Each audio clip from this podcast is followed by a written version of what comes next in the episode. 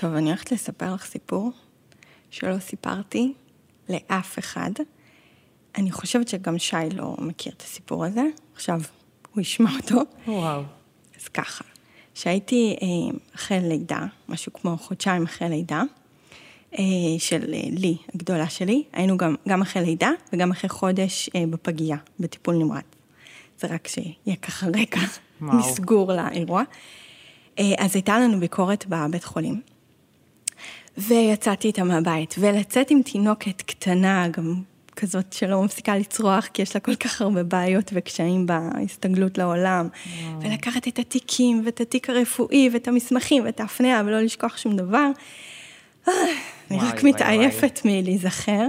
ממש. ולהיכנס לאוטו, ולהשאיר את הדלתות פתוחות, כדי שהיא לא תהיה אפילו שנייה אחת בחום הזה לבד באוטו, ושאת שבמקרה בטעות תנהל לי איכשהו האוטו, את יודעת, כל מיני פחדים כאלה וחרדות.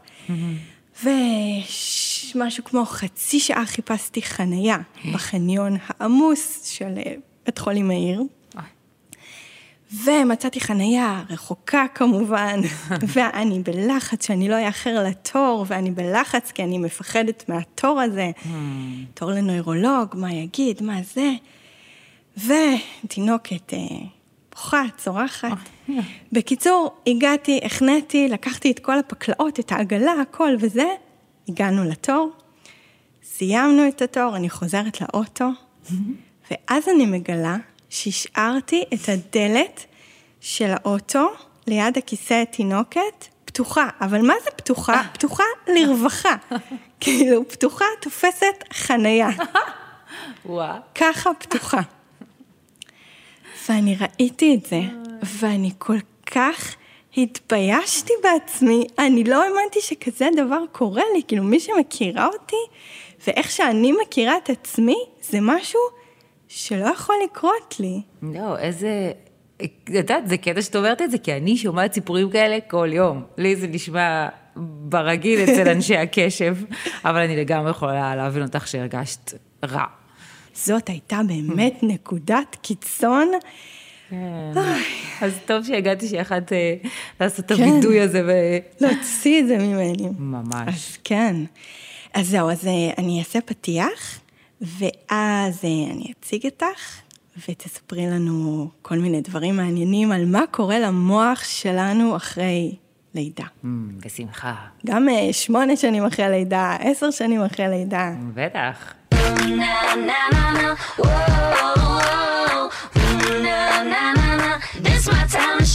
אמהות בסטייל, הפודקאסט של טל מאור זינגרמן. שלום, ברוכות הבאות וגם ברוכים הבאים לפודקאסט של אמהות בסטייל.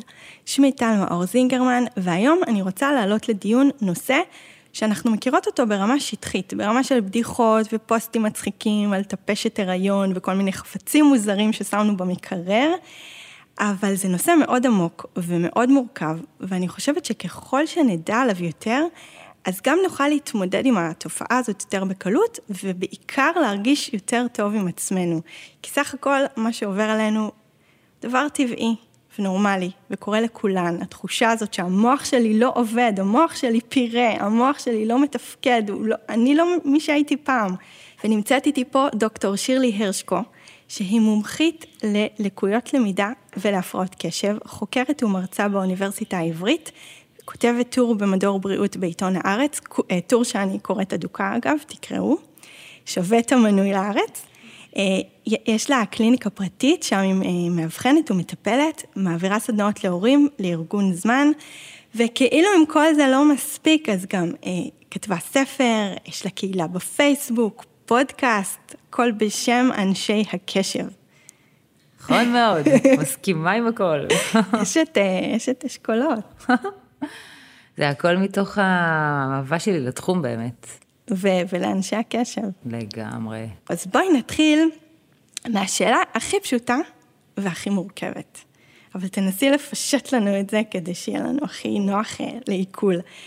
מה עובר על המוח שלנו מהרגע שאנחנו יוצאות מחדר לידה, ואפילו לפני, בזמן ההיריון? מהמם.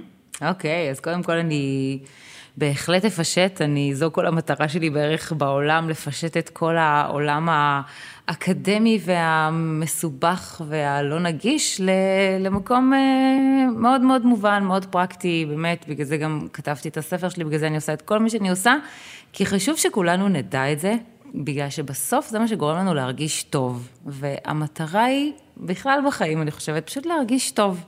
אז חשוב להבין שכל מה שעובר לנו במוח, כבר בשלב ההיריון, הוא באמת, אה, יש איזשהו שינוי שקורה במוח. ממש מחקרים שעשו על נשים הרות, והעבירו להם מבחני תפיסה ומבחני חשיבה, מבחני אינטליגנציה אפילו, אז כן מצאו הבדלים בתפקודים שלהם בזמן שהן בהיריון, אה, לעומת לפני זה. זאת אומרת, באמת מתרחש שם איזשהו משהו. אה, לא יודעים בדיוק לשים את האצבע, אבל כן יכולים אה, להגיד שנשים הרות מתקשות יותר במשימות של ריכוז. במשימות של תכנון, במשימות של קבלת החלטות, דווקא ברגעים שהן צריכות את כל זה, אז היכולות האלה הן יותר מתערערות. חשוב לציין שגם יש יכולות שמתחזקות, כמו אה, זיהוי רגשות למשל, זו יכולת שמתחזקת בזמן הריון. בעצם הגוף שלנו מכין את עצמו לסיטואציה הבאמת ייחודית שקורית בזמן הלידה ואחריה בחיבור עם התינוק? כן, בדיוק, והוא כל כך מכין את עצמו, שעוד ממצא מדהים שמצאו במחקרי מוח, זה שאחרי לידה, המוח מכיל פחות אה, תאים, פחות חומר אפור באזורים שקשורים לתפקודים חברתיים, מה שאומר שהיכולת החברתית של האישה לאחר הלידה יורדת, כדי שהיא תוכל יותר להתרכז בתינוק שלה ויותר לעשות את ה bonding ולהיות ביחד איתו, ופחות mm-hmm. עניינים של להתערות בחברה. אז ממש מבחינה פיזית, ביולוגית, המוח שלנו משתנה בזמן ההיריון ואחרי הלידה, כדי uh, לעזור לנו בעצם להיות uh, אימהות טובות יותר. זה גם גובה מחירים, כמו שתכף נדבר עליהם, אבל uh, זה גם בא לעזור. אז המילה טפשת, שהיא מילה פשוט מעצבנת, כאילו, כן. היא מעצבנת, אבל יש פה איזשהו, זה לא, היא לא צצה באיזה ואקום. נכון. כאילו, זו צורה מאוד מעצבנת לתאר תופעה, mm-hmm. שהיא סך הכל טבעית. כן, גם צריך להבין שהאישה הרי מייצרת חיים בתוכה. זה, זה הדבר הכי מטורף והכי גדול שיכול להיות. אז אה, צריך גם להתייחס לזה ככה, היא לא יכולה להמשיך לתפקד אה, בצורה רגילה, היא, היא מגדלת בתוכה עוד חיים שלמים, אז זה ברור שזה גם יגרום לכל מיני שינויים ולכל מיני אה, שינויים בתפקוד, ו, וזה בסדר. ו, כמו שהגוף שלנו משתנה. נכון, בדיוק. אז ו... גם המוח שלנו משתנה. כן, כן, וחלק מהעניין זה באמת לקבל את זה ולהבין שזה הגיוני ולתת לזה מקום ולא להיבהל מזה. גם לדעת שזה עובר וגם לדעת שזה בא מסיבה. אני תמיד uh, מדברת עם הסטודנטיות שלי, יש לי סטודנטיות לתזונה, על העניין של הבחילות בתחילת הריון. אז הבחילות בתחילת הריון למשל, הן באות אה, בגלל עלייה בהורמונים. זאת אומרת, זה בא כדי לשמור על התינוק, ש, שהוא יתפתח יותר טוב ולא יקרה שם משהו. אז ממש לכל דבר יש פה אה, סיבה, ו, וצריך לקבל ולהכיל את האישה ההרה אה, ולתת לה את המקום הזה. אז אם אני לוקחת אה, את כל הרצף הזה של הפרעות קשב, ושמה מול זה אה, אישה בהיריון ואחרי לידה, מה, מה בעצם ההבדל? Mm, אוקיי, mm, okay, אז זה באמת הבדל מאוד חשוב, כי באות אליי... הרבה מאובחנות שתוהות אם פתאום נולדה להם הפרעת קשב, אה, ככה באמצע החיים. אז אני תמיד אומרת, היא לא יכולה להיווצר באמצע החיים הפרעת קשב. כן אפשר לאבחן אותה באמצע החיים, כי לא הייתה מודעות, או כי לא ידעו בדיוק איך להסתכל על זה, אבל ההבדל העיקרי בין הפרעת קשב לבין אישה שחווה קשיי קשב, מה שנקרא, זה קודם כל, זה משהו שהוא נוירולוגי. עם הפרעת קשב נולדים, זה משהו מוחי, זה שינוי במבנה של המוח, במבנים מסוימים של תכנון, של זמן, אה, בהורמונים. הורמונים מסוימים, כמו הדופמין שאחראי על הקשב, זה ממש מוח אחר, זה משהו נוירולוגי, אתה נולד איתו, וככה ממשיך אה, כל חייך. זה לא יכול פתאום לתקוף אותך באמצע החיים. אז זה ממש מלידה, אז אנחנו ממש צריכים לראות סימנים מילדות. לא שפת... ככה נגיד אה, אותה אישה הייתה ילדה שיכלה להתרכז מעולה בלימודים, ולא היו שום קשיים של שכחה, של חוסר ריכוז, של עיבוד אה, חפצים וכולי. הכל היה בסדר עד הרגע שהיא הגיעה, ל, לא יודעת, לגיל 20 או לגיל 30, ואז פתאום נוצרו קשיים. כן, צריכים לראות סימנים מהילדות, היום אומרים ממש מגיל 12 לפי ההבחנה הפסיכיאטרית, ולא תמיד הם סימנים שאנחנו חושבים שהם הפרעת קשב, זאת אומרת, הרבה פעמים חושבים שזה צריך להיראות כמו הילד הקופצני ממקום למקום. זה גם משתנה בין גברים לנשים, בין ילדים בדיוק. לילדות. מה, רק על זה אפשר לעשות פודקאסט שלם, על איך זה נראה אצל בנות ואיך זה נראה אצל בנים, אבל באמת נתייחס קצת יותר אולי לבנות, שלא תמיד הן צריכות להיות אה, קופצניות או להפריע למורה, אלא זה יותר מתבטא אצלם כחולמנות, וכזה מוסכות וחוסר ריכוז, והרבה פעמים אפשר לא לעלות על זה ב- בגיל הבית ספר, במיוחד אם הילדה היא אינטליגנטית מאוד ומצליחה ככה לקלוט פה משפט, שם משפט, ואז לפצות על זה בציונים, אז לפעמים כן אפשר לא לעלות על זה כל הבית ספר, והיא ככה מצליחה לפצות ו- ולהיות שקטה ולא להפריע, ומגלים את זה בשלב יותר מאוחר, אבל אם חופרים אחורה, אז כן רואים איתה שהיא לא הייתה מרוכזת, שהיא קיבלה רק שמונים ימים למרות שהיא עם אינטליגנציה מאוד גבוהה, שכתבו עליה פה ושם בתעודה שהיא מעופפת, לא מרוכזת, אסטרונאוטית, כל מיני דברים כאלה, אז אנחנו ממש גם באבחון חופרים ורואים אם היו או לא היו סימנים בילדות. אז זה דבר אחד שמפריד בין הפרעת קשב ממש לבין קשיי קשב.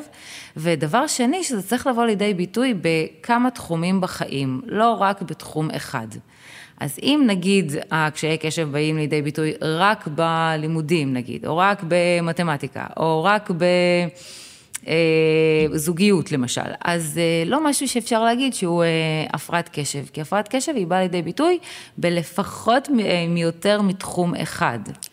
אז אנחנו מרגישות בהיריון קשיי קשב, ויש לנו נטייה כזאת בכלל בחברה בשנים האחרונות, כל הזמן לאבחן את עצמנו, נגיד אם אני אוהבת שדברים מיושרים ומסודרים, אז אני אגיד על עצמי שיש לי OCD, למרות שסביר להניח שאין לי OCD, כי זאת הפרעה נכון. ש- שצריך להתייחס אליה במלוא הכבוד, וה- ולא ככה כתיאור לגבי עצמי, אז אותו דבר גם לגבי הפרעות קשב, אנחנו כולנו יכולות לחוות אה, קשיי קשב, אבל לא כולנו אה, מאובחנות.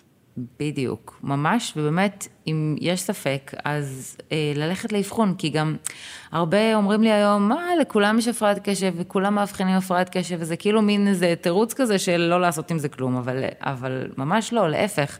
זאת אומרת, אם יש שם קושי, ואם לא בטוחים, אז מה זה משנה אם כביכול כולם אומרים שיש להם הפרעת קשב? אם בסוף יש לך הפרעת קשב, אז כדאי שתדע את זה, וכדאי שתטפל בזה, כי, כי זה עושה את כל ההבדל. אז צריך לתת גם מקום לזה שאימהות שיש להן הפרעות קשב, הן יסבלו יותר אה, בתקופת ההיריון ואחרי הלידה, כן. אה, מאימהות שלא מאובחנות. חד משמעית, הכאוס והבלגן, גם אה, חיצונית וגם פנימית, אצל נשים עם הפרעות קשב, הוא הרבה יותר גדול מנשים בלי הפרעת קשב, וחשוב לי להגיד את זה ולתת להם את המקום שלהם, כי כשהן שומעות שאומרים, אה, לכולם יש, גם לי יש, ו- ולא נותנים מקום ל- לקשיים האדירים שהן מרגישות, גם, באמת, גם מבפנים, אז זה עוד יותר גורם להרגיש רע, ומסלול ישיר לחרדה ודיכאון. אה, שתכף נדבר על זה. ונעריך אה, בנושא הזה. אה, אני יכולה להעיד על עצמי שאני כן מאובחנת וכן יש לי הפרעות קשב, שאני בהריונות, וואו, רמות, וגם אחרי, רמות הסבל, אפילו ברמה של שיפצו אה, משהו, שיפצו בניין אה, ליד הבית שלי, שהייתי בהריון הראשון. והיה שם איש שניסר איזה משהו. יואו. במשך שעות, ואני הרגשתי שאני באמת יוצאת משפיותי. עכשיו, עוד אנשים, השכנים וזה, אמרו לי, בסדר, לא, כאילו, סבבה. אני לא הבנתי איך הם לא חווים את הסיוט הזה, שאני כמעט, כאילו, באמת, הייתי בורחת מהבית, זה היה, זה היה קיצוני. ממש, אז- כי זה הרגישות הזו לרעשים. וזה היה בבום כזה בהיריון, זה וואו, אז ניתן, ניתן את המקום אה, ואת אה, את התמיכה והעזרה למי שזקוקה, אה, כי כן, זה הרבה יותר קשה. נכון, ממש. זה קשה לכולן, אבל מי שסובלת מהפרעות קשב, זה קשה לה אפילו יותר. כן, וגם גם כל העניין של הסדר וארגון בתוך הדבר הזה, בתוך ההיריון, ואחר כך עם כל הטיפסיאדה וכל הבירוקרטיה וכל החפצים הקטנטנים, ולא סתם את שכחת את הדלת, כי, כי אתה צריך לשים לב לכל כך הרבה תיקים וטפסים, ועוד תינוק שם, שמאוד מסיח התינוק הזה, התינוקת, אז, אז כמה המוח יכול להחזיק כבר, אז אה, שוכחים, איזה דלת. פתוחה. כן, בדיוק. אז איזה סימנים אה, אדומים, סימני אזהרה, חשוב לנו לשים לב בכל, ה, בכל הנושא הזה של, ה, של מה שאנחנו מרגישות. אוקיי, אז בעצם יש סימני אזהרה לנושא של אם יש לי או אין לי הפרעת קשב, שהם הרבה יותר אה, באמת אה, פשוטים, זאת אומרת, גם לראות מגיל צעיר, גם בכמה תחומים, גם אה, כמה תסמינים, לא חייבים את כולם, אבל את חלקם, שכחה ועיבוד וחוסר ריכוז, וטווח קשב קצר, ולא מרוכז בשיחה ולא מרוכז בקריאה, זה ככה התחום של הפרעת קשב. ויש גם את התחום של היותר חרדה, דיכאון, שהוא... קודם כל, אצל אה, נשות הקשב אה, יש הרבה יותר סיכון לחרדה ודיכאון. הממצאים ממש מראים על בין 50 ל-70 אחוז יסבלו מחרדה או דיכאון, שזה המון. בזמן הריון ואחרי לידה. אז זהו, לא ספציפית לזמן הזה, אבל הזמן הזה הוא עוד יותר עם אה, סיכון לנושא של חרדה ודיכאון. יש עוד גורמי סיכון ש- שיכולים להשפיע על זה, זאת אומרת, על, ה- על העניין של התפתחות של דיכאון, שזה מצב אה, כלכלי. שזה תמיכה משפחתית אה, או חברתית, של אה, דיכאון שהיה בעבר, זה גם דברים שהם יותר גורמי סיכון, אבל מספיק שאת אישה עם הפרעת קשב, אז זה כבר מעלה, מעלה את הסיכון, וצריך לשים לב לכל מיני סימנים אדומים, כמו שאמרת, זאת אומרת, זה ברור שבאופן כללי מצב הרוח יהיה קצת משוגע, או קצת יותר ירוד, או אה, חוסר חשק אה, לעשות דברים, או חוסר כוח, אבל אם רואים את זה כמשהו מתמשך, אה, ממש אה, לאורך זמן, ובצורה שהיא קיצונית, ודברים שנגיד נהניתי לעשות אותם בעבר, אני ממש לא נהנית לעשות אותם היום, ואין לי חשק אה, לעשות כלום, ואין, וכל הזמן אין לי מצב רוח, וממש קשה לי גם לתפקד. צריך ממש לבוא לידי ביטוי ב, גם בקושי בתפקוד, אז אה, זה משהו שצריך ככה להדליק נורה, ובאופן כללי, אני, בכלל הגישה שלי זה שאם אם את מרגישה שם איזשהו קושי, אז אל תישארי איתו, ואל תחשבי שמשהו לא בסדר בך, לכי תבדקי את זה, אפילו בטיפת חלב, אפילו אחות בטיפת חלב, או, או כל אחד שאפשר לדבר איתו, ברגע שמוציאים את זה ויודעים שזה גם בסדר, וזה בסדר להרגיש ככה, אז, אה, אז זה כבר, אז זה כבר משהו שעוזר, כי אם נשארים עם זה בפנים, זה, זה פשוט מתכון, אה, מתכון לאסון, מה שנקרא. אני חושבת שזאת אחת הסיבות שכל כך רציתי להקליט איתך את הפרק הזה, כי אני חושבת שקורים לנו כל, כל מיני דברים, בין אם אנחנו אה, מאובחנות, או בין אם אנחנו סתם סובלות מקשיי ריכוז ו- וקשב בגלל שאנחנו בהיריון ו- ועכשיו ילדנו תינוק. אנחנו תמיד מרגישות נורא לבד בסיפור הזה. נכון. ואנחנו מרגישות שאצל כולן זה נראה תמיד נורא זוהר, ונורא מהמם, ונורא מצטלם יפה. ורק אנחנו פה משאירות את, ה, את הדלת אה, של האוטו פתוחה לרווחה בחניון, כמו לא יודעת מה. מהמם, לגמרי, זה, אני חושבת שזו אחת הסיבות ש... אה, שנגיד הקהילה שלי בפייסבוק היא כל כך פורחת והומה, כי פשוט אה, אנשים מבינים שהם לא לבד, שהם לא דפוקים, שזה לא רק הם, שיש פה שם, שזה בסדר, שכולם חווים את זה ומרגישים את זה כמוהם. ו- וזה כבר משהו שהוא מאוד מרפא, זה גם נגיד, תמיד כששואלים אותי אם לעשות אבחון בגיל מבוגר, כן, בדיוק בגלל העניין הזה שאתה מבין שאתה לא לבד, שזה חלק ממשהו, זה חצי מפתרון הבעיה ולפעמים אפילו אה, כולה.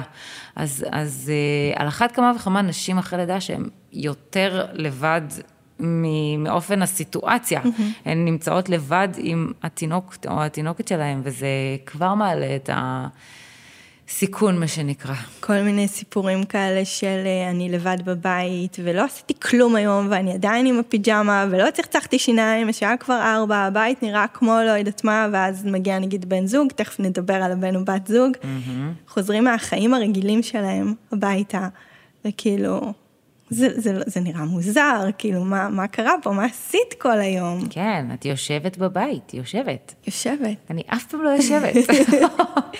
וזה נותן באמת תחושה מאוד מאוד בודדה. אני חושבת שכן, לדבר על זה ולהציף, והקהילתיות, וגם גם אצלי, אני רואה שבקהילה שלי יש המון, אה, המון מקום לקושי. ברגע שמישהי מעיזה להציף איזשהו קושי, אז היא מקבלת כזה חיבוק וכזאת תמיכה, ו... ו... כי אנחנו לא לבד. ו... וזה כבר עוזר, זה זהו. נכון, נכון בדיוק. שיש מקרי קיצון שדורשים התערבות וטיפול והכל, אבל ב, ב, ב, במקרים שהם, את יודעת, בסקאלה באמצע, רק התחושה הזאת של אני לא לבד, אם הייתי שומעת עוד סיפורים כאלה, ממש, ממש. בגלל זה באמת אנחנו גם עושות את כל מה שאנחנו עושות, כדי להביא את זה למודעות. ו... אבל יש טיפים, יש אסטרטגיות כן. ש... שמאפשרות לנו להתמודד עם הקושי הזה, עם המוח העיסתי הזה, עם התחושה הזאת של מה קרה פה, למי הפכתי להיות. מהמם, נכון, יש חשוב. דברים שיכולים לעזור. כן, ובאמת, אז כמו שאמרנו, חצי מהעניין זה המודעות והלא לבד, והחצי השני זה באמת כלים ואסטרטגיות, שאני מאוד אוהבת אה, כלים ואסטרטגיות אה, ברמה מדויקת ופשוטה. זאת אומרת, גם בספר שלי אני מפרטת שם על שיטת ארגון זמן שפיתחתי, ויש שם שלושה שלבים שהם מתאימים לאנשי הקשב, אבל הם מתאימים... בעצם אה, לכולם, לכל האנשים שחווים קשיי קשב בעולם המוסך שלנו, על אחת כמה וכמה נשים שהן יותר עמוסות ויותר עסוקות, כי אין מה לעשות, עדיין אנחנו יותר אה, מחזיקות בתפקיד ה, אה, לארגן את הבית זהו, והמשפחה. העלית נקודה שאני רוצה שנייה להתעכב עליה. העומס המנטלי הזה, זה דבר שבאמת יכול לשבור. כי תחשבי רגע על, אה, על כל המחשבות עכשיו שאת נושאת כ- כאימא, כבת זוג, אה, בני כמה ילדים שלך? 6, 9, 12. 6, 9, 12, אוקיי, זה המון המון דברים לזכור, נכון. המון משימות, המון מטלות. כל אחד עם הצרכים שלו, כל אחד עם המחויבויות שלו, רק, רק הניהול הזה של שלושתם, זה כל כך הרבה, אם הייתי מפרקת את זה עכשיו, אה, אני עובדת עם אה, תוכנה לניהול משימות, אם הייתי מתחילה לפרק את זה, לשים כל דבר, הייתי מקבלת רשימה של איזה 50, 60, 70 משימות, ו, ודברים שקשורים לבית, לתחזוקה של הבית, להכל, כאילו, כל העומס המנטלי הזה, מהמם. מנטלי ומעשי, הוא, לגמרי. הוא, הוא פשוט מציף. כן, מאוד מאוד מציף. והעניין הזה של המציף, זה קודם כל, צריך לדעת שהמוח שלנו בגדול הוא לא בנוי בצורה שאמורה להחזיק הרבה פרטי מידע, בטח שלא את כל הדברים שיש לנו, שזה גם בית, זה גם אה, עבודה, זה גם אנחנו, להחזיק הכל הכל ביחד, הוא לא בנוי לזה, ולכן חייבים להבין שכדי... לשרוד את העומס הזה, אנחנו צריכות להתחיל לרשום. ולא להשאיר את הדבר הזה במוח. זאת אומרת, גם אנשים שאומרים לי, לא, אני לא סובל יומן, או אני לא אוהב רשימות, אני חייבת להגיד, באמת, אני כבר 15 שנה חוקרת את העניין הזה, ובודקת ומעבירה קורסים. אין, אין פתרון אחר ל... לרשום, להוציא, כי בתור התחלה אתה מוציא את זה מהמוח שלך ורושם את זה על הדף, אז זה גם מרגיע. זה מוריד לחץ, mm-hmm. זה מוריד סטרס, שזה הדבר הכי מדהים, אגב, בארגון זמן, מעבר לפרודוקטיביות ויעילות ואפקטיביות ולהספיק, ווואי, איזה סופר וומן אני. המטרה היותר גדולה זה רוגע, זה חיים רגע בלי לחץ, בשליטה. בלנשום, בלהרגיש טוב, זה קודם כל זה. אז ברגע שאתה מוציא ולא מוצף ומסתובב עם כל המחשבות שמה, אז, אז זה כבר עושה את זה, ברגע שהוצאת את זה על הדף וכתבת.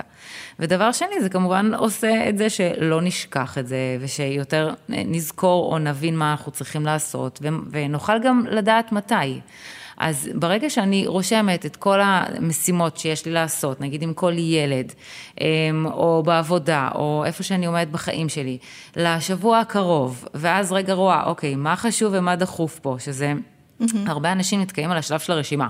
ואומרים לי, אוקיי, עשיתי רשימה, תליתי על הדלת, אבל היא לא קרתה, אה, לא, זה לא עבד, מה קורה שם? אז אני אומרת, לא, לא רק לכתוב את הרשימה, כן יש עוד שלבים שצריך לעשות. צריך להסתכל, למשל, מה חשוב ומה דחוף לשבוע הקרוב, ולראות שזה לא עמוס מדי. אם אני רואה שהשבוע עמוס מדי, אני אדחה חלק מהדברים אה, לשבוע הבא.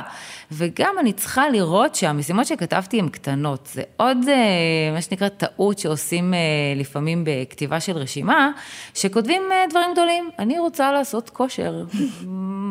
מה זה אומר? אוקיי, איך זה ייכנס לי ללו"ז, איך אני אתחיל עם זה מחר בבוקר, לעומת אם אני כותבת, אני רוצה ללכת עשר דקות כל יום. אוקיי, סבבה, אפשר לשים את זה עכשיו כל יום, בנגיד שבע בבוקר, שבע עד שבע ורבע, אני עושה הליכה, אפילו עם התינוקת שלי, וברגע שזה משהו קטן, גם המוח שלנו, אגב, גם מבחינה מוחית, אז נמצא שמוח שרואה מטלות שהן קטנות, זאת אומרת, אה, זמן קצר, אז הוא מפרש אותן מיד כתכופות. ואז הוא גם יותר ירצה לעשות אותם. לעומת מטרה שהיא אה, גדולה, היא לא נתפסת כדחופה, אז הוא מפרש את זה כמשהו שאוקיי, אפשר לדחות את זה. כי זה פה... מין משהו אמורפי כזה. בדיוק. אז מה, לאכול בריא, לעשות כושר, אה, להיות בקשר עם החברים, מה זה אומר?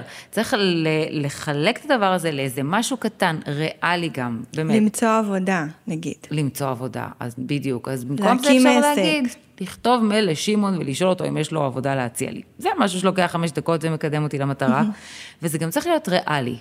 כי אם אני אחרי לידה ואני כותבת לעצמי עכשיו כל יום לרוץ שעה, זה לא ריאלי וגם לא ממש יתחשק לי לעשות את זה. שוב פעם, מטלות שנראות לנו קשות, אנחנו נדחה אותן. גם במחקרים נמצא שהסיבה מספר אחת לדחיינות, זה מטלה שנראית קשה. אז ככל שנוכל יותר לצמצם אותה בזמן קצר, ומטרה שהיא תהיה ריאלית לנו, אז ככה גם יש יותר סיכוי שנעשה אותה. ואני ממש ממליצה גם, וזה משהו שאני עושה כבר שנים, אני מתחילה את היום במחשבה של, כשאני אסיים את היום הזה, ואחשוב איך עבר עליי היום, איזה משימה אחת שאני אסיים אותה, אני אגיד לעצמי, יש, זה היום טוב, סיימתי את המשימה שחשובה לי. וככה, ככה אני עוברת ממש יום-יום. אז זה יכול, יום אחד זה יכול להיות לכתוב את הדוח של זה, יום שני זה יכול להיות להכין שיעור של זה, אבל משימה אחת, לא 700, אחת שכשאני מסיימת היום, אני אומרת לעצמי, יש, איזה כיף. וגם אה, צריך ממש לזכור שכל פעם שאנחנו עושים איזושהי משימה שרצינו, אז גם המוח שלנו מפריש דופמין, שזה הורמון הריכוז והאושר. אז זה גם עוד סיבה ללעשות את המטלות קטנות, כדי שנוכל להפריש הרבה הרבה דופמין ולמחוק אותן. האושר שבלסמן את ה... בדיוק, זה ממש מוחי, זה ממש... אה, אז נגיד בתקופה המשוגעת הזאת של אחרי לידה, זה יכול להיות אפילו ברמה של להפעיל אה, מכונת כביסה. לגמרי. הסאונד אגב, של המכונת כביסה, אני, אני אשתף אתכן, זה אחד הצלילים שאני הכי אוהבת בעולם, והרבה, זה נותן לי רוגע לשמוע mm. את המים, נכנסים לבן. לתוך המכונה, זה לא רעש לבן, זה כאילו תחושה של עשיתי משהו. Mm. אז הרבה פעמים, אני על הבוקר, לפני שאני עושה כל דבר אחר, אני מפעילה את המכונת כביסה. מדהים. אומרים אה, לסדר את המיטה, לסדר זה, פחות זורם לי, זורם לי להפעיל את המכונת כביסה. את יודעת, זה ממש נקודה חשובה מה שאת אומרת פה, כי בעצם זה מה שעושה לך אושר. אז זו עוד נקודה חשובה בארגון זמן, שכל בן אדם צריך לארגן לעצמו את הזמן לפי מה שגורם לו את האושר. אז אם נגיד עכשיו מישהי אחרת שומעת אותנו ואומרת, יואו, טוב, אני חייבת להפעיל מכונת כביסה על הבוקר, זה יעשה לי אושר, אז לא, את לא חייבת. אם זה לא עושה לך אושר, אה, כמו לטל, אז את לא חייבת, את יכולה לבדוק את זה, אולי כן, אבל בסוף תמצאו את מה שעושה לכן אושר ועושה לכן טוב, ואם למישהי זה להתחיל את הבוקר בהליכה, ואחר כך היא מרגישה מאושרת במהלך היום, אז זה אומר שזה טוב ויפה בשבילה. ואם למישהי אחרת אחרת זה טוב בערב, אז לה זה טוב בערב. וברגע שמתאימים את הזמן שלנו למה שנוח לנו, ואם אני בן אדם יותר איטי, אז אני אתכנן פחות דברים, כי זה מי שאני. ואם אני אה, לא סובלת ספורט, אז אני אעשה את זה פעמיים בשבוע, כי זה מה שגורם לי לאושר, ולא כל יום בחמש בבוקר כמו חברה שלי. אז באמת, תשימו לב מה, מה עושה לכם טוב וגם מה מתאים לכם מבחינת הזמנים אה, במהלך היום. יש מי שיתאים לה לעשות, סתם נדבקתי כרגע לספורט, אה, בבוקר ולא בערב. כנ"ל לגבי ארוחות, זמני ארוחות, זמני שינה. לא, לא צריך פה להעתיק ממישהי אחרת ולעשות משהו שכתוב בספר, חייבים לקום בחמש בבוקר, אם זה לא מתאים לכם. זה, זה נקודה... מאוד חשובה מה שאמרת, וגם עוד משהו בסיפור מכונת הכביסה, שזה עניין גם של אה, מין להצ- לעשות, להפוך את זה להרגל. אז את ממש, כמו שאת קמה ומצחצחת שיניים, את קמה ומפעילה מכונת כביסה, את בעצם למדת שזה הרגל שהוא טוב לך, וברגע שאנחנו הופכים משהו להרגל, זאת אומרת, תמיד בשעה קבועה או צמוד למשהו, נגיד הרגע אני קמתי, אה, איזשהו משהו שיהפוך לי להרגל, אז גם מבחינה מוחית, המוח אחרי שזה חוזר על עצמו ככה בין 20 ל-60 יום, אז הוא ממש מפתח אה, מנגנון מוחי כזה שמקל עלינו לעשות את, ה, את ההרגל הזה, ואז אנחנו ממשיכים ועושים את זה כמשהו כזה אוטומטי ובלי לחשוב עליו, והנה עכשיו כאילו כל בוקר את יודעת שככה את מתחילה את היום וזה כבר עושה לך טוב, כי הפכת את זה להרגל שלך, אז זה, זה גם, גם נקודה ש, מעניין, שעוזרת. מעניין, ולהיות אה, קלות עם עצמנו. כי לדבר על ארגון ותכנון זמן זה יפה, אבל הרבה פעמים שיש לנו באמת מצבי עומס, במיוחד במצב קיצון של הריון או לידה, תכף נדבר גם על לחזור לעבודה, זה בכלל מנקודות קיצון כאלה. שהן הן לא קורות תמיד בחיים. לא נכון. תמיד ברצף החיים אנחנו בנקודה המאוד קיצונית הזאת. כן, צריך גם לזכור שזה עובר. זה משהו שהוא גם, אה, זאת אומרת, אני גם אה, לומדת פסיכותרפיה, וזה מאוד מדובר במיינדפולנס, שלזכור שזה דבר שכרגע קשה, אבל יעבור. כמו, כמו גל ענק שאנחנו רואים בים, אתמול בדיוק הייתי בים, אתה רואה גל ענק, אתה אומר, יואו, זה הולך ליפול עליי, וכל האף שלי ישרוף, ואיך אני, כל השיער שלי וזה, איך אני אעמוד בגל הענק הזה, ואז הוא קורה, ואני יוצא ממנו, ומסדר שנייה את השיער, את האף, וזה עבר. אוקיי, זה אחריי. אז, אז ככה זה גם אותו דבר, תקופות כאלה לחוצות ו- ועמוסות. על אחת כמה וכמה, באמת, לידה, הבאנו פה חיים לעולם, מה יותר גדול מזה. אז יש עם זה את כל הקושי, וזה יעבור. עוד שנה, אני אהיה במקום אחר, צריך ממש לזכור את זה, ולתגמל את עצמנו, שזה עוד עניין. לא רק לחשוב על איך, אמ, איך אני יכול עכשיו לתפקד יותר טוב וזה, אלא תגמולים וחיזוקים. זה אחד הדברים שבאמת לא מדברים עליו מספיק, הוא סופר חשוב לנשים בהיריון, אחרי לידה, ו- וגם באופן כללי. לחזק את עצמנו, לעשות דברים שטובים לנו, שכיפים לנו, וכמה שיותר. זה גם מפריש דופמין, אגב. לק ג'ל, לק ג'ל, למשל. למשל, כן, אם זה מה שגורם לך להרגיש טוב, אל תוותרי על זה. לצאת פעם בשבוע עם הבן זוג, זה הרבה יותר אה, זול מאחר כך אה, עורך דין אה, או להתגרש, או לקחת עוזרת בית, למשל, שתנקה את הבית.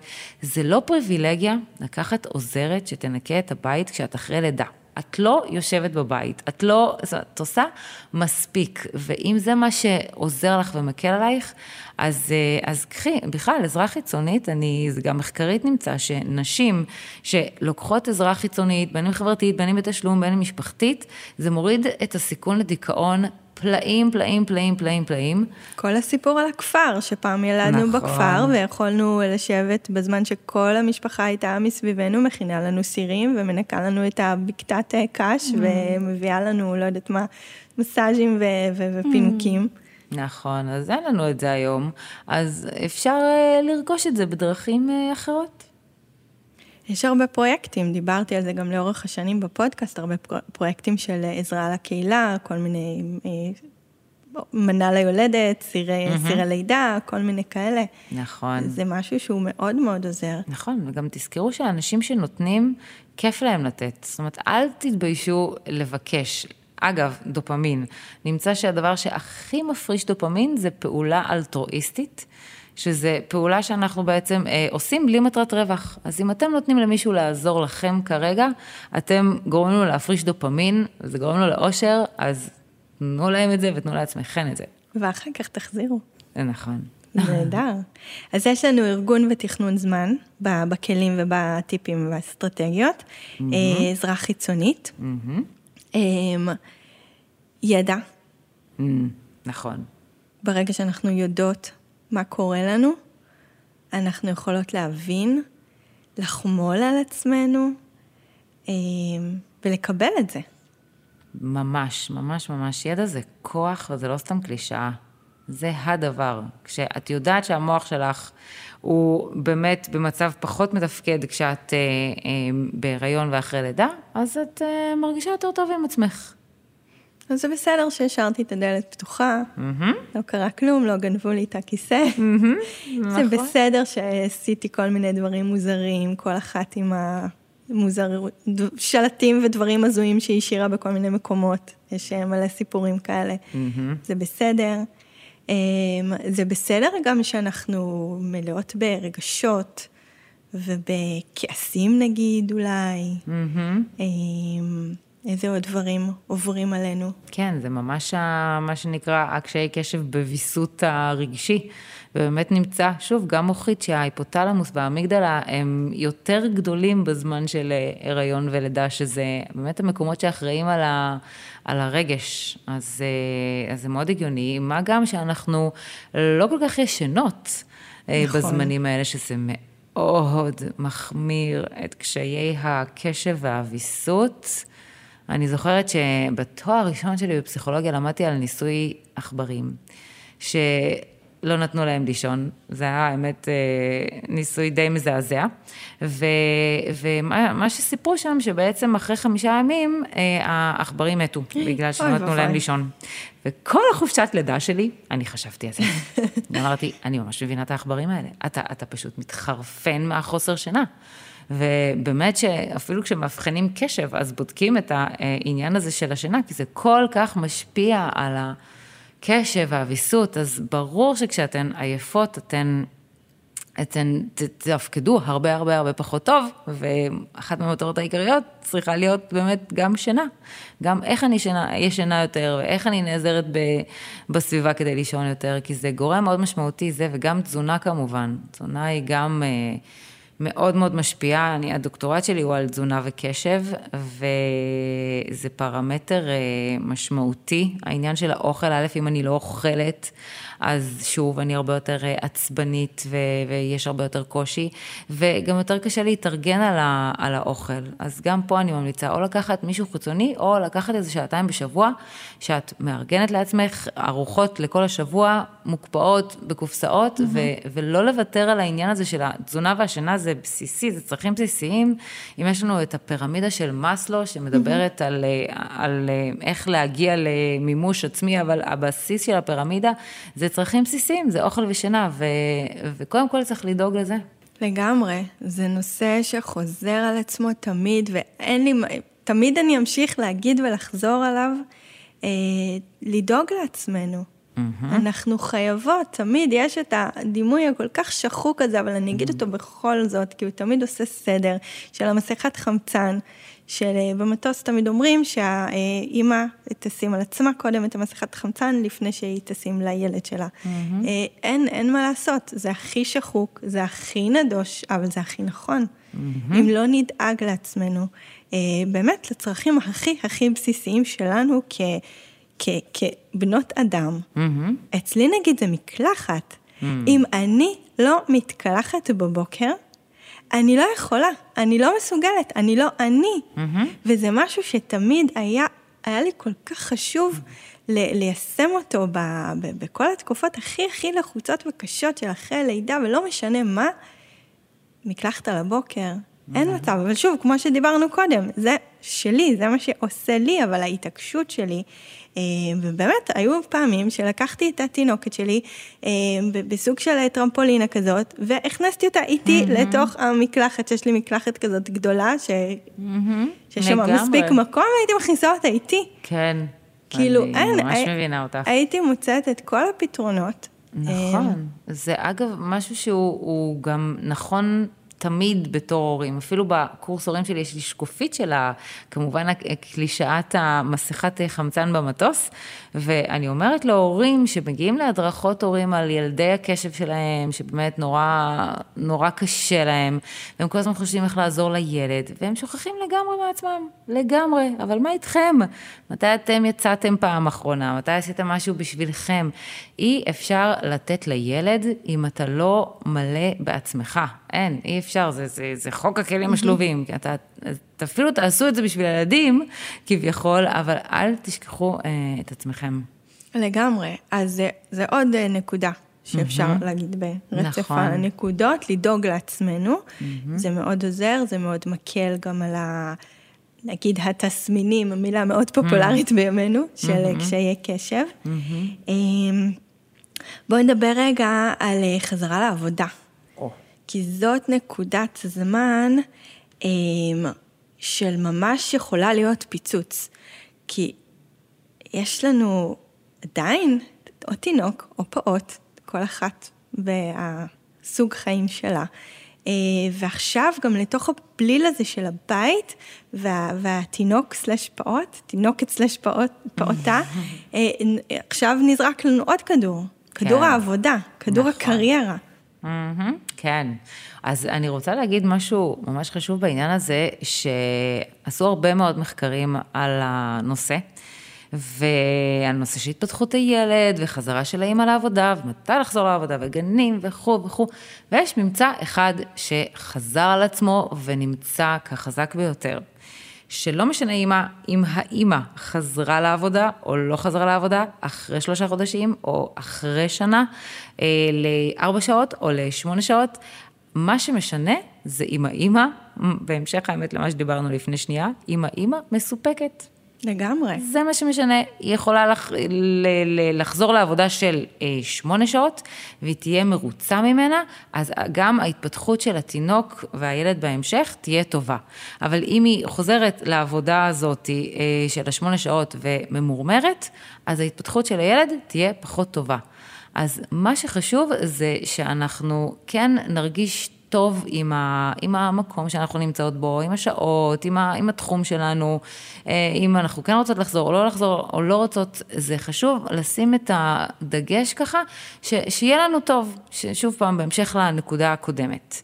אז זה דבר אחד. ודבר שני שקשור לחזרה לעבודה זה, שוב פעם, לזכור, הזכרנו את זה מקודם, שזה עובר. זה, השלב הראשוני הוא מאוד מאוד קשה ו- ומאוד אה, מבלבל, אבל זה שלב שעובר, ואחר כך מרגישים הרבה יותר טוב עם החזרה הזו. ולהשתמש באמת בנושא של הארגון זמן שדיברנו עליו. ככל שנוספות לנו מטלות ונוספות... נוספים לנו, נוספות לנו, זאת אומרת, אה, כל מיני משימות ועוד עולמות חדשים. אז אה, ככל שיותר נכתוב את זה ונארגן את זה, ואז גם אפשר לארגן את זה לפי צבעים, צבע של משימות לעבודה וצבע של בית, אז זה מאוד יקל עלינו להשתלט על, ה, על הכל ביחד. שזה באמת מ- מרכך את העומס המנטלי הזה, גורם לנו פשוט להיות יותר שמחות. כן, נכון. שזו מטרה ששוכחים אותה הרבה, אפילו לפעמים נשים מרגישות את הלא בנוח, אבל לגמרי צריך לשנות את התפיסה הזאת, גם בשביל עצמנו וגם בשביל הילדים שלנו, וגם תחשבו, נגיד, על גם איך הילדים שלכם רואים אתכם. אם, אם, הם, אם הם רואים שאתם לא משקיעות בעצמכם, או שאתם לא מרגישות טוב, אז זה גם משהו ש, שהם אחר כך אה, יגדלו איתו ו, ויעשו בעצמם, וזה לא הדוגמה שאנחנו רוצים להעביר. אני חייבת לתת פה את הזווית המונטסורית, אה, ואני יכולה להגיד שהרמה של המודלינג היא כל כך גבוהה, והתשומת לב של ילדים לפרטים היא כל כך, כל כך גבוהה. יש חשיבות אפילו לכפות הידיים שלנו, שיהיו נקיות ומסודרות, כי הילדים רואים הרבה את כפות הידיים שלנו. באמת, זה מדבר על רמת modeling לפרטי פרטים. וחלק מהעניין הוא גם להכין את עצמנו. אה, מדברים הרבה בעולם המונטסורי על הסביבה הפיזית, על איך המדפים נראים ועל איזה משחקים יש שם. בעצם חלק בלתי נפרד מהסביבה הזאת זה אנחנו, זה המבוגרים שנמצאים ליד הילדים. אז ככל שנכין את עצמנו, וההכנה היא גם, היא פיזית, אני נותנת את האצבעות בידיים כדוגמה. אבל ככל שנכין את עצמנו מבחינה פיזית ונפשית ורגשית, ונהיה יותר שמחות ומרוצות, ונוכל יותר להיות נוכחות ברגע עם הילדים שלנו, אז הם יותר אה, מאושרים, ואנחנו נהיה יותר מאושרות.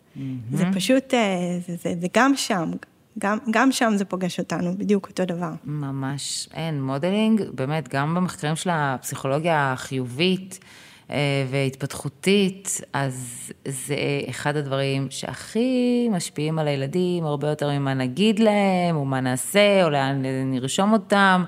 מה שהם יראו איך שאנחנו אה, מתנהגים, זה אחד הגורמים הכי משמעותיים. נכון. בואי נדבר רגע אה, על התפקיד המאוד קריטי של אה, בן או בת הזוג שלנו. כן.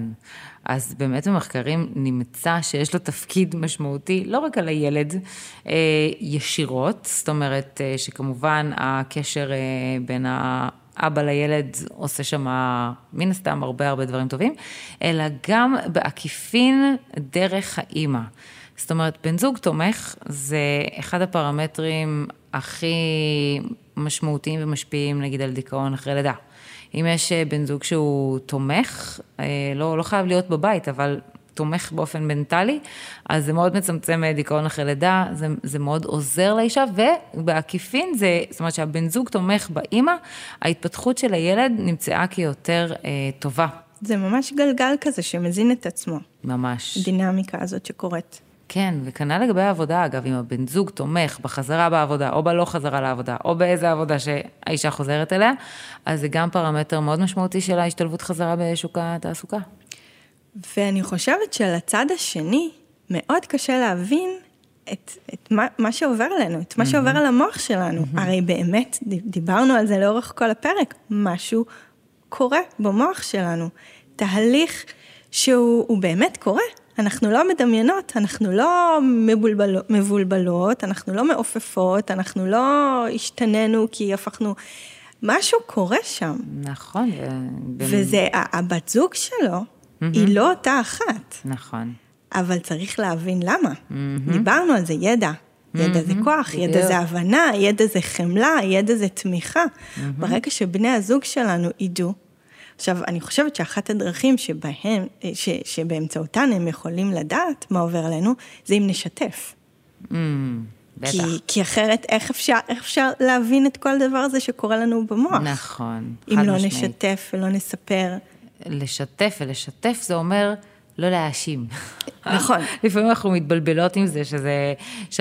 כי זה מפתה. זה מאוד מפתה, והאמת שיש שיטה מאוד אה, פשוטה אה, אה, להתמודד עם זה, שהיא פשוט המילה אני. אם, אם אני רוצה להגיד נגיד משהו לבן זוג שלי, הוא מאוד מעצבן אותי שהוא חוזר מאוחר. למשל. אז אה, במקום שאני אגיד לו, אוף, למה אתה חוזר מאוחר, ולמה אתה משאיר הכל עליי, ולמה אתה לא עוזר לי, אז פשוט לדבר עם המילה אני. אני מרגישה בודדה כשאתה לא חוזר, אני מרגישה שיש עליי עומס. ברגע שאנחנו אומרות לבן זוג שלנו את המילה אני, זה כבר מוריד מהצורך שלו להתגונן ולהילחץ ולהרגיש מותקף, והוא כבר יהיה יותר מגויס. ובאמת אין להם שום דרך לדעת מה עובר עלינו. אין להם שום דרך. זה בדיוק כמו נגיד אנשים עם הפרעות קשב, שמצפים שיבינו אותם, אבל אי אפשר להבין אותם אם לא יודעים, כי, כי אתה לא מרגיש איך זה להיות עם הפרעת קשב. אז אותו דבר כאן, הם לא עברו לידה, הם לא יודעים איך זה מרגיש, כל ההורמונים לא משתוללים להם כרגע אה, בתוך הגוף אה, וכדומה, אז חייבים כל הזמן לדבר, לדברר ולהסביר. בגלל זה אני גם מאוד ממליצה על הפעם בשבוע לצאת מהבית, אה, לשבת באיזה מקום, לדבר על הדברים, ועדיף מחוץ לבית, אגב, יש לזה אפקט אחר, גם, גם נמצא ככה מחקרית אפילו, ו, ופשוט להגיד מה אני מרגישה, מה אני צריכה, מה לי יהיה טוב, וזה עושה נפלאות. וגם להקיף את עצמנו בחברים שנמצאים באותו מצב.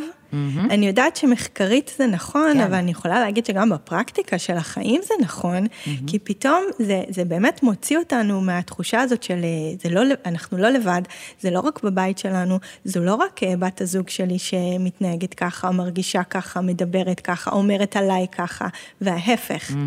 זה ממש נותן לנו זום אאוט אה, לחיים שלנו. נכון, ממש, כן. קהילה זה סופר חשוב, במיוחד בתקופות כאלה. יש אה, מאזינה אחת שסיפרה לי שהם נסעו לאילת באוטו, ובמשך כל הדרך לאילת, מהמרכז, משהו כמו ארבע ומשהו שעות נסיעה, אה, היא שמה באוטו את הפודקאסט. כי היא רצתה שהוא יאזין. לכמה שיותר פרקים שמכינים אותו ללידה הצפויה. וואו, הם עשו כזה לחופשה כזאת אה, לפני קורס. הלידה. כן. או, מדהים. נכון? אז, ב... אז בהקשר של הידע ובהקשר של השיתוף, אה, אני חושבת שזה רעיון, אה, רעיון לא רע. אה, ממש. לשלוח את הפרק הזה נכון. לבן או בת הזוג. כן, אני חייבת לציין, אני בדיוק הספר שלי מגיע ממש היום, ופרסמתי ככה את הפרק הראשון שלו, פרק הראשון של הספר, והפרק הראשון הוא על זוגיות. דווקא, דווקא הפרק הראשון בהפרעת קשב הוא על זוגיות, ו- ואז פתאום הגיעו אליי מלא אנשים שאמרו, אני חייב להראות את זה לבן זוג שלי, חייב להראות את זה לבן זוג שלי, ואז הבנתי שזה זה לא רק הבן אדם שחווה את הבעיה, את הקושי, זה חייב להיות פה גם הבן זוג שלו, או ההורה שלו, או המטפל שלו, מי שנמצא מולו במגע, כי, כי אתה לא יכול לעבור את הדברים האלה לבד, אתה באמת חייב לשתף, אז נכון. אם יש לך נסיעה לאילת ארבע שעות, זה פצצה. אה, וגם אם לא, פה, שם, לשלוח, לתזכר, זה, אין, זה מדהים שיש לנו גם את האפשרות הזו היום להנגיש ככה את הידע הזה, זה, זה מתנה. לגמרי. אה, אז כל הכבוד גם לך, טל, על, על מה ש, שאת עושה וכמה שאת אה, משקיעה בזה, וזה... בטח, זה סופר אה, משנה חיים של אנשים ונשים בפרט, וזה ממש ממש חשוב. וואי, תודה. אז תודה, שירלי, שהגעת להתארח, לשפוך אור ולהעניק מידע ולהרגיע. זה כיף. וואי, לגמרי, תודה. ותודה לכן, המאזינות האהובות שלי, אני מזמינה אתכן לעקוב אחריי באינסטגרם, אמהות בסטייל. אה, שירלי פחות אה, פעילה באינסטגרם, אבל יש לה, אה, דיברנו בהתחלה, אני אזכיר את זה שוב, יש לה פודקאסט ששווה להאזין לו, וקבוצה בפייסבוק, אנשי הקשב, וספר חדש. אה, ואם אתן עדיין לא בקבוצה הסודית של אמהות בסטייל, אז תבואו, זה הרבה יותר כיף לעבור את כל הדבר הזה שדיברנו עליו עכשיו ביחד. ותודה, ניפגש בפרק הבא, bye. bye.